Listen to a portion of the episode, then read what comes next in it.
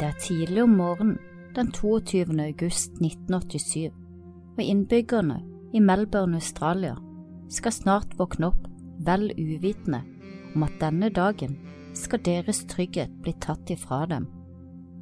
Australias mareritt, The Boogeyman og Mr. Grusom startet sin karriere denne kvelden som en maskerende mann luskende utenfor en families hus.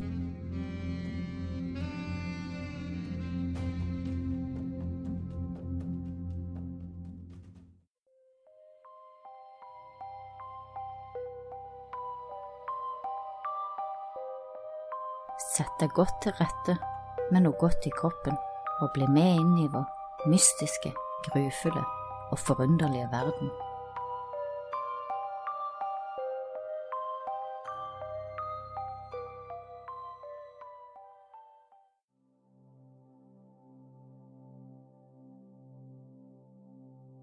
Klokken er rundt fire om morgenen, lørdag 22. august, når den maskerte mannen fjerner et gitter foran familiens stuevindu.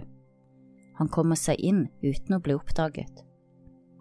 Han sniker seg inn på foreldrenes soverom med maske, kniv og pistol og vekker dem opp. Han truer dem og later som han er en tyv som kun er ute etter verdisakene deres. Han kommanderer dem til å rulle seg over på magen. Deretter binder han den sammen i armer og ben og det er helt umulig for foreldrene å komme seg løs. Knuten som inntrengeren knytter dem med, er en knute som er typisk for seilere eller andre med sjøerfaring. Etter at han har bundet dem fast i hverandre, tvinger han dem inn i garderobeskapet, hvor han så teiper øynene og munnen deres. Han truer med å drepe dem, før han lukker garderobedøren og fortsetter videre rundt i huset. I naborommet til foreldrene ligger deres seks år gamle sønn, som nå har våknet av lydene. Mister Grusom går inn på guttens soverom og binder gutten fast til sengen. Han setter også teip over øynene og munnen hans. Men dette var bare forarbeidet til inntrengeren. Hans endelige mål for turen var deres elleve år gamle datter. De neste to timene blir jenta utsatt for mannens perverse seksuelle fantasier. Han tar seg til og med en pause i ugjerningen sin for å lage seg litt mat på kjøkkenet. Etter å ha misbrukt den stakkars lille jenta i over to timer, så forlater han huset. Han tar med seg en blå jakke som henger over en stol, og en boks med CD-plater med klassisk musikk. Familiene i Melbourne var livredde Australias mareritt, Mr. Grusom er født. Politiet ankom åstedet og var sjokkert over det de hørte. Byen hadde rykte på seg for å være et trygt sted, og grov kriminalitet var ikke dagligdags. Familien fortalte hva som hadde skjedd, og da politiet snakket nærmere med datteren i hus, informerte hun at inntrengeren under en av pausene fra misbruk av henne hadde brukt familiens hustelefon til å ringe til noen. Inntrengeren hadde truet personen i den andre enden og sagt at han måtte flytte barna sine, ellers ville de være de neste. Han hadde kalt personen for Bozo. Politiet tok straks kontakt med telefonselskapet for å få en utskrift av samtalen fra huset. Til politiets overraskelse fant aldri denne telefonsamtalen sted. Ingen hadde ringt ut fra familiens hus tidlig om morgenen den 22. august. Det var først senere at politiet begynte å forstå at inntrengeren la ut falske ledetråder for å forvirre etterforskerne. Det andre angrepet kom ett år etter det første. Det var 27. desember 1988. De fleste familiene hadde begynt å tenke mindre på Mr. Grusom. Det var godt over ett år, og ingen nye angrep hadde skjedd Folk slappet mer av, og i tillegg var folk i ferie- og julemodus, med mer fokus på feiring, god mat og samvær med familie og venner. Men for én familie skulle julegleden ta slutt denne desemberkvelden. John Willis, hans kone og deres fire døtre lå og sov i deres hjem da John brått våkna kvart på seks om morgenen av noe som ble presset mot tinningen hans. Ikke spill helt, hørte han en stemme kommandere inn i øret sitt. John var forvirra og redd. Inntrengeren hadde på seg maske, mørkeblå overtrekksdress og en skimaske. Han truet John med kniv og pistol, og John forsto raskt at han ikke hadde noe å stille opp mot mot inntrengerens våpen.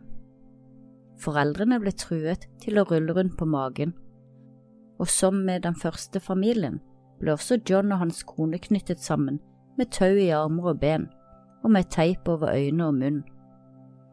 Inntrengeren prøvde å berolige foreldrene at han kun var der for pengene deres.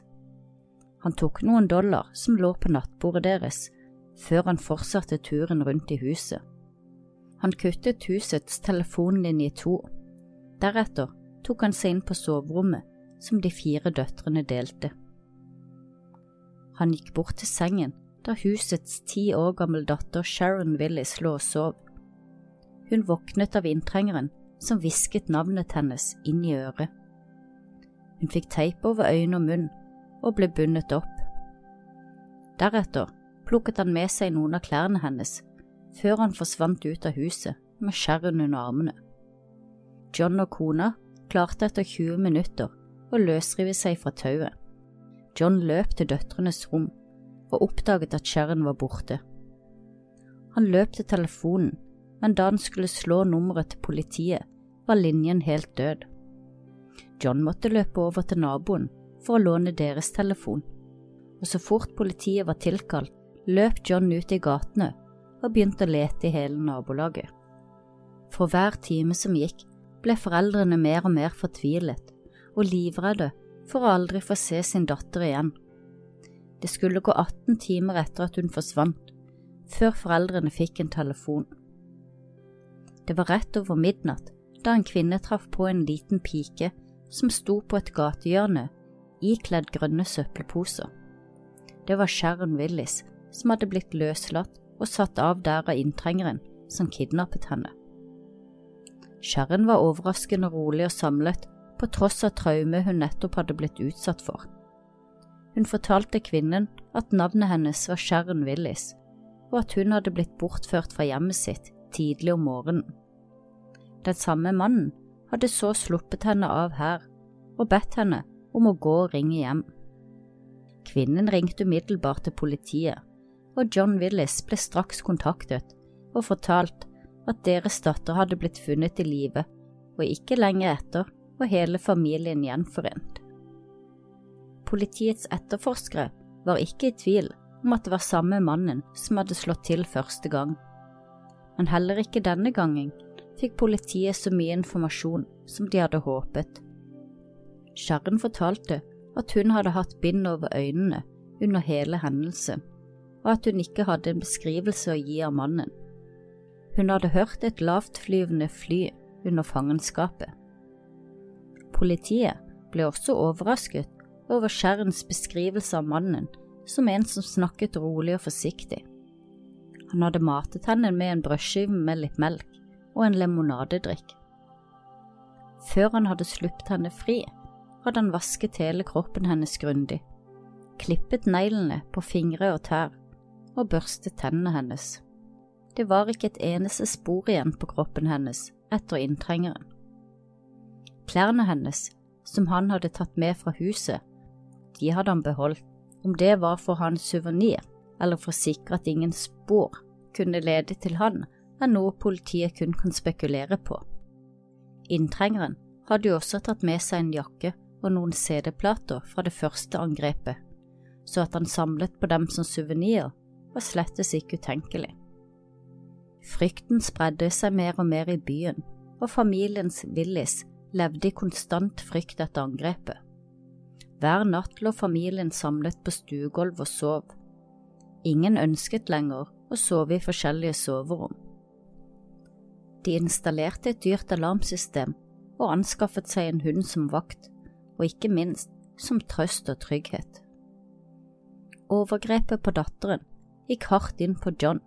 At han ikke hadde klart å redde datteren sin fra inntrengeren den kvelden, var nesten ikke til å bære, og han kjente på en sterk skyldfølelse. Kunne han gjort noe annerledes? John ba om at politiet skulle klare å finne ut hvem som sto bak. Alle lurte nå på hvem den maskerte mannen var, og ville han slå til igjen? Hvem var nestemann? Det skulle gå to år før innbyggerne fikk svaret sitt. Nok en gang hadde folk begynt å slappe av. Ett år gikk, og ingenting hadde skjedd. Og nå, to år etterpå, var det ikke så ofte at folk tenkte på Mr. Grusom lenger. Frykten hadde roet seg betraktelig. Hans neste offer var den britiske familien Lynas, som hadde leid et hus i et av Melbournes dyrere strøk, Victoria. Stedet var kjent for å huse flere kjente politikere og statsråder. Familien hadde bodd i Australia en stund i forbindelse med arbeid, men nå var de klare til å flytte tilbake til England, bare noen dager senere. Det var om kvelden den 3. juli 1990. Brian og Rosemary Lynn hadde blitt invitert over på en farvelfest for dem i forbindelse med at de skulle flytte. Deres 13 og 15 år gamle døtre ble igjen hjemme alene. Foreldrene skulle bare være borte noen få timer og var hele tiden tilgjengelig på telefon. Rett før midnatt ble 13 år gamle Nicola og 15 år gamle Fiona vekket av en sint, kommanderende mann med maske på. Han beordret Nicola til å finne fram skoledrakten sin mens han begynte å binde søsteren Fiona fast til sengen hennes. Jentene hadde ingen sjanse mot den maskerte mannen, som også denne gangen var bevæpnet med kniv og pistol. Etter å ha bundet fast Fiona, den eldste av jentene, forsvant han av gårde med Nicola i familiens leiebil. Han sa til Fiona på vei ut døren at deres far måtte betale 100 000 kroner for å få Nicola trygt hjem igjen. Etter å ha kjørt med Nicola i rundt en kilometer fra hjemmet hennes, parkerte mannen og de byttet bil. Brian og Rosemary Lynns forlot festen i godt humør. Så fort de svingte inn i gården hjemme, fikk de en ekkel følelse og ble redde. Leiebilen deres var borte, og døren til huset sto åpen. De løp inn i huset og ropte på døtrene sine. Panikken ble total når de fant 15 år gamle Fiona bundet til sengen sin og med beskjeden fra inntrengeren. Politiet ble raskt tilkalt åstedet, men fant omtrent ingen bevis etter inntrengeren, og politiet hadde ingen anelse om hvor de skulle lete etter Nicola. Det var bare to dager til Nicola sin 14-årsdag, og foreldrene var fra seg av fortvilelse og skyldfølelse for å ha latt jentene være hjemme alene. Pengekravet som inntrengeren hadde framsatt, kom ikke med noen instrukser på hvordan overlevere dem eller hvordan kontakte ham. Politiet undersøkte bedriften til faren Brian nærmere. I starten hadde de en mistanke om at kidnappingene og kravet om løspenger kunne ha noe med arbeidet hans å gjøre. Det skulle gå enda 54 timer før de fikk høre noe nytt i saken. På 14-årsdagen til Nicola, klokken to på natten, ringte telefonen hos faren Brian. Det var Nicola. Hun fortalte at hun var blitt etterlatt utenfor en togstasjon i Kiev av kidnapperen, fullt påkledd og pakket inn i et teppe. Hun fortalte at han hadde bedt henne sitte i en spesiell stilling til han hadde kjørt vekk. Etter han hadde kjørt, hadde hun fjernet bindet for øynene sine, og så løp hun til nærmeste hus, hvor hun fikk ringt sin far. Nicola ble avhørt av politiet, og endelig fikk de noen ledetråder som ble avgjørende for etterforskningen. Hun kunne fortelle at kidnapperen var ca. 1,75 cm høy. Hun hadde brukt sin egen høyde til å komme fram til hvor høy han cirka måtte være, når han hadde ført henne ut av huset og de gikk side om side. Hun sa at han også mest sannsynlig hadde rødbrunt hår. Hun hadde også en vag beskrivelse av mannens hus og bil. Selv om hun hadde vært bundet for øynene under hele fangenskapet, så hadde det vært noen få muligheter hvor hun hadde fått muligheten til å ta en kjapp titt.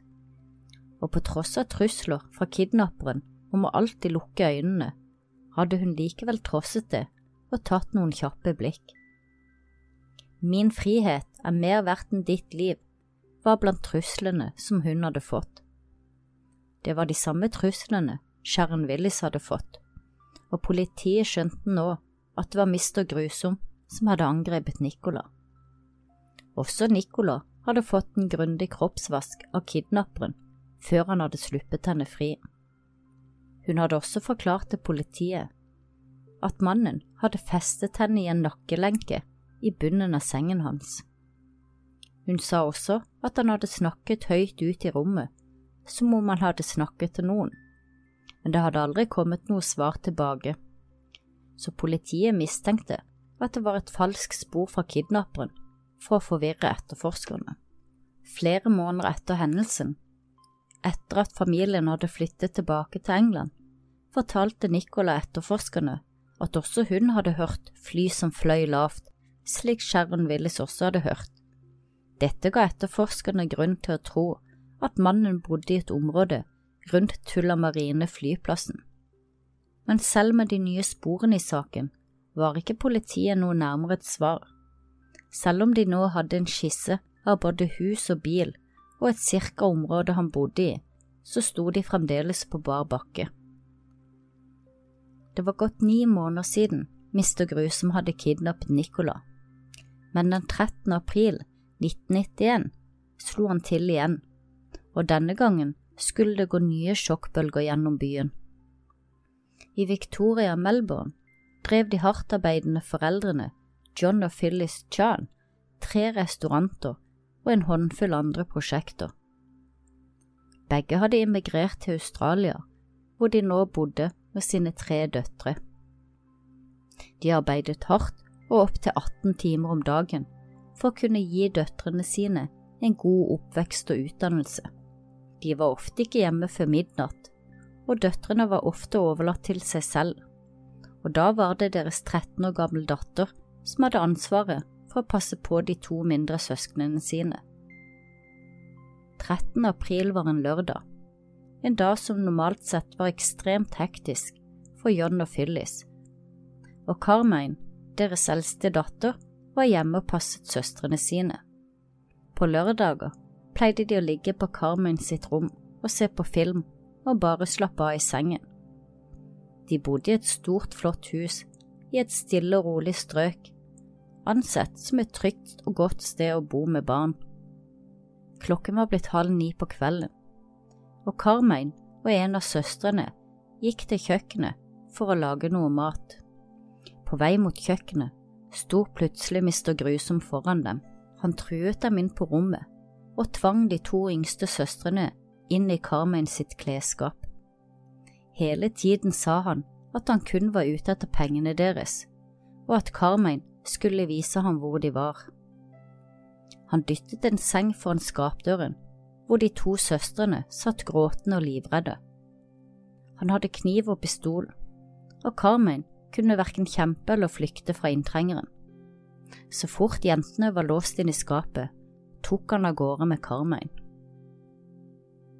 De to søstrene klarte å komme seg ut av skapet etter noen minutter, og fikk ringt foreldrene sine, som var på restauranten og arbeidet. Politiet ankom raskt stedet, og de skjønte med en gang at det var mister Grusom som hadde slått til igjen. Nå begynte de å forstå at mannen måtte ha overvåket ofrene sine en stund i forkant. Det virket som han visste mye om familiene som han gikk til angrep på. Alder, navn og hvilke rom de sov på.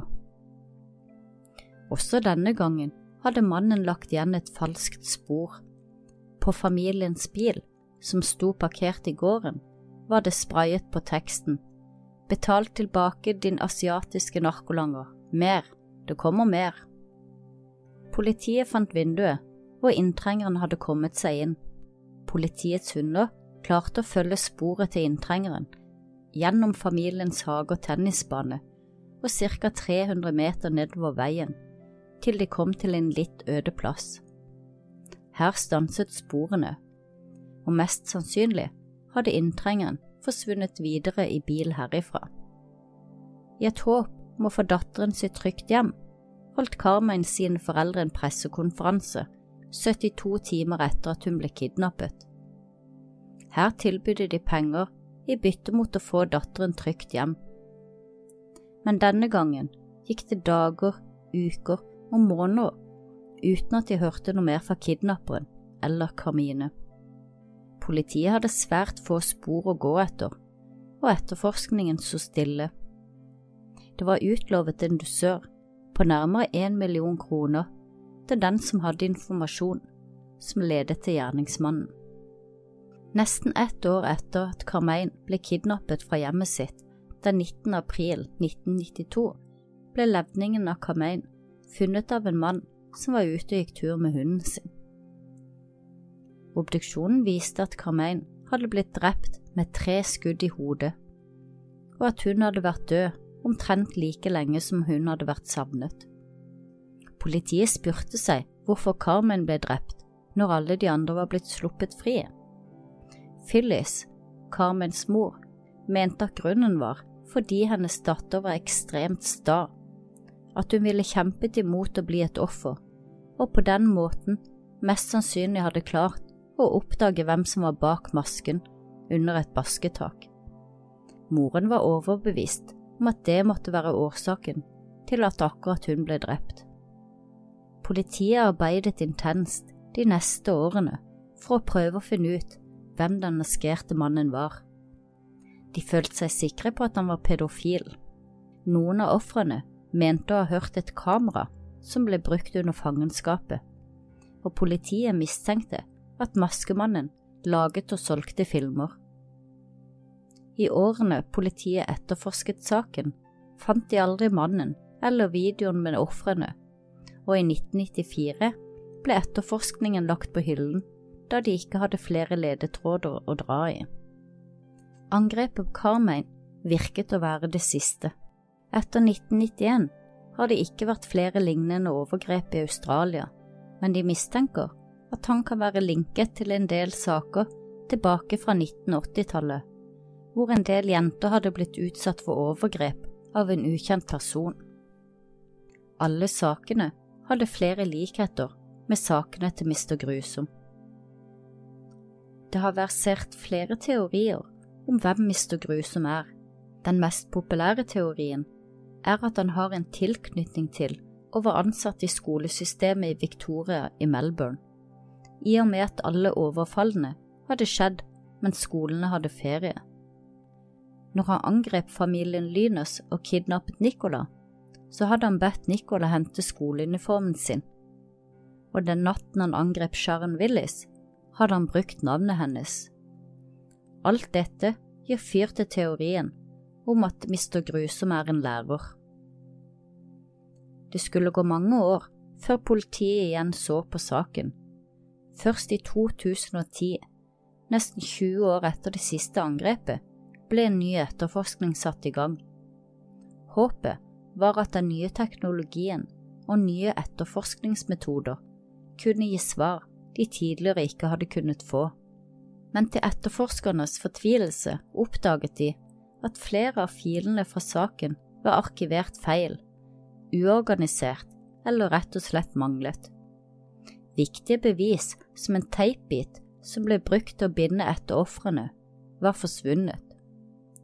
Et bevis som med god sjanse kunne gitt politiet mange nye svar, og muligens en DNA av gjerningsmannen. Dette har fått mange til å spekulere i om gjerningsmannen kanskje kan jobbe i politiet, slik at han visste hva politiet lette etter. Gjerningsmannen hadde vært nøye med å vaske ofrene og fjerne alle spor og bevis av sin ugjerning. I 2013 hadde endelig politiet sin første mistenkte, som kunne være Mr. Grusom, Robert Keat Knight. En mann som arbeidet som ungdomsarbeider og som frivillig på skoler.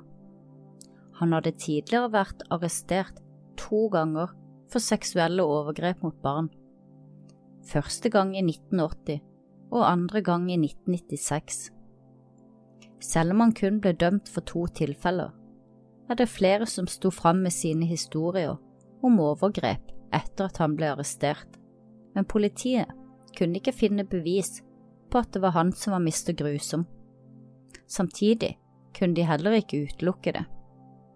Robert ble løslatt fra fengselet i 2009 etter å ha sont ferdig dommen fra 1996. Så fort han var ute, var han i gang med å laste ned barnepornografi, og det tok ikke så lange tiden før han igjen var arrestert.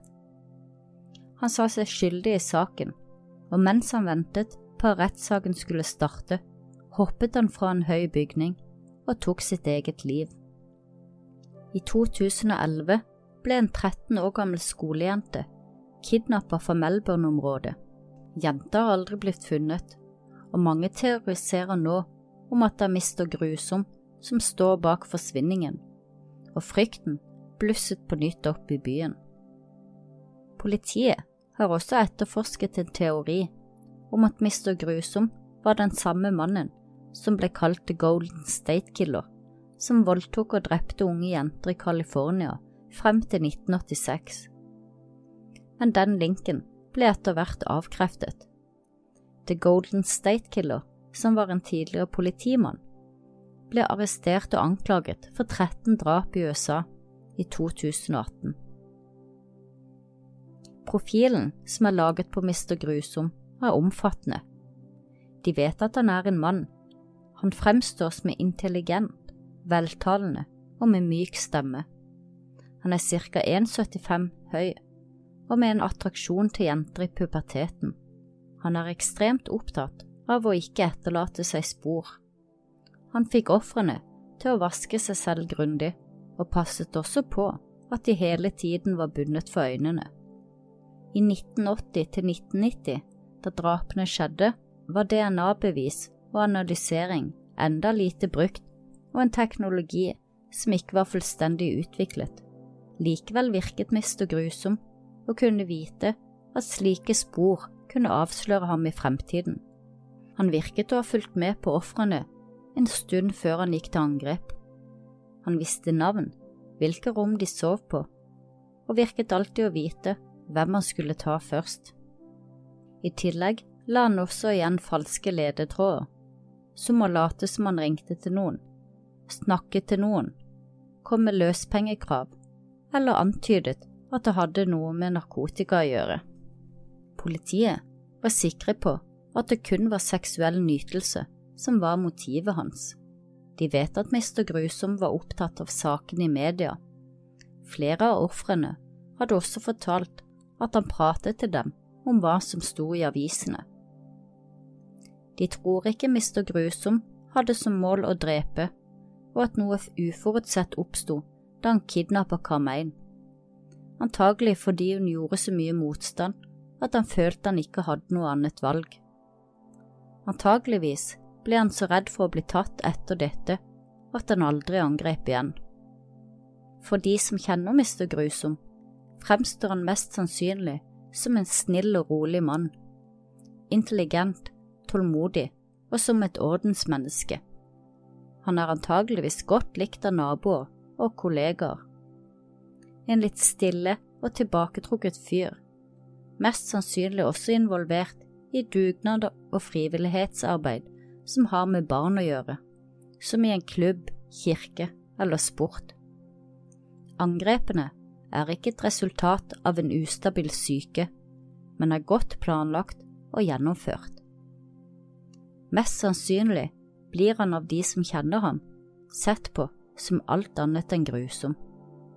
Kanskje sluttet Mr. Grusom å angripe etter at han drepte Carmein, fordi det gjorde ham redd men det kan også hende at han sluttet fordi han allerede er i fengsel, er død, eller rett og slett begynte å utføre overfall og drap på en helt annen måte, slik at politiet ikke kan se noen likhetstrekk. Saken og mysteriet om hvem som skjuler seg bak masken, er fremdeles uløst. Politiet står helt uten spor i saken, og per dags dato er Mr. Grusom Australias mest ettersøkte kriminelle. En dusør på én million australske dollar er utlovet, til de som kan gi informasjon som fører til en løsning i saken.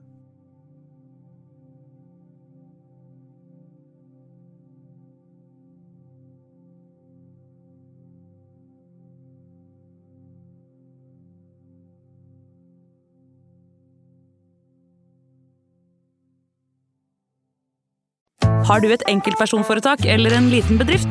Da er du sikkert lei av å høre meg snakke om hvor enkelt det er med kvitteringer og bilag i fiken, så vi eh, gir oss her, vi. Fordi vi liker enkelt. Fiken superenkelt regnskap.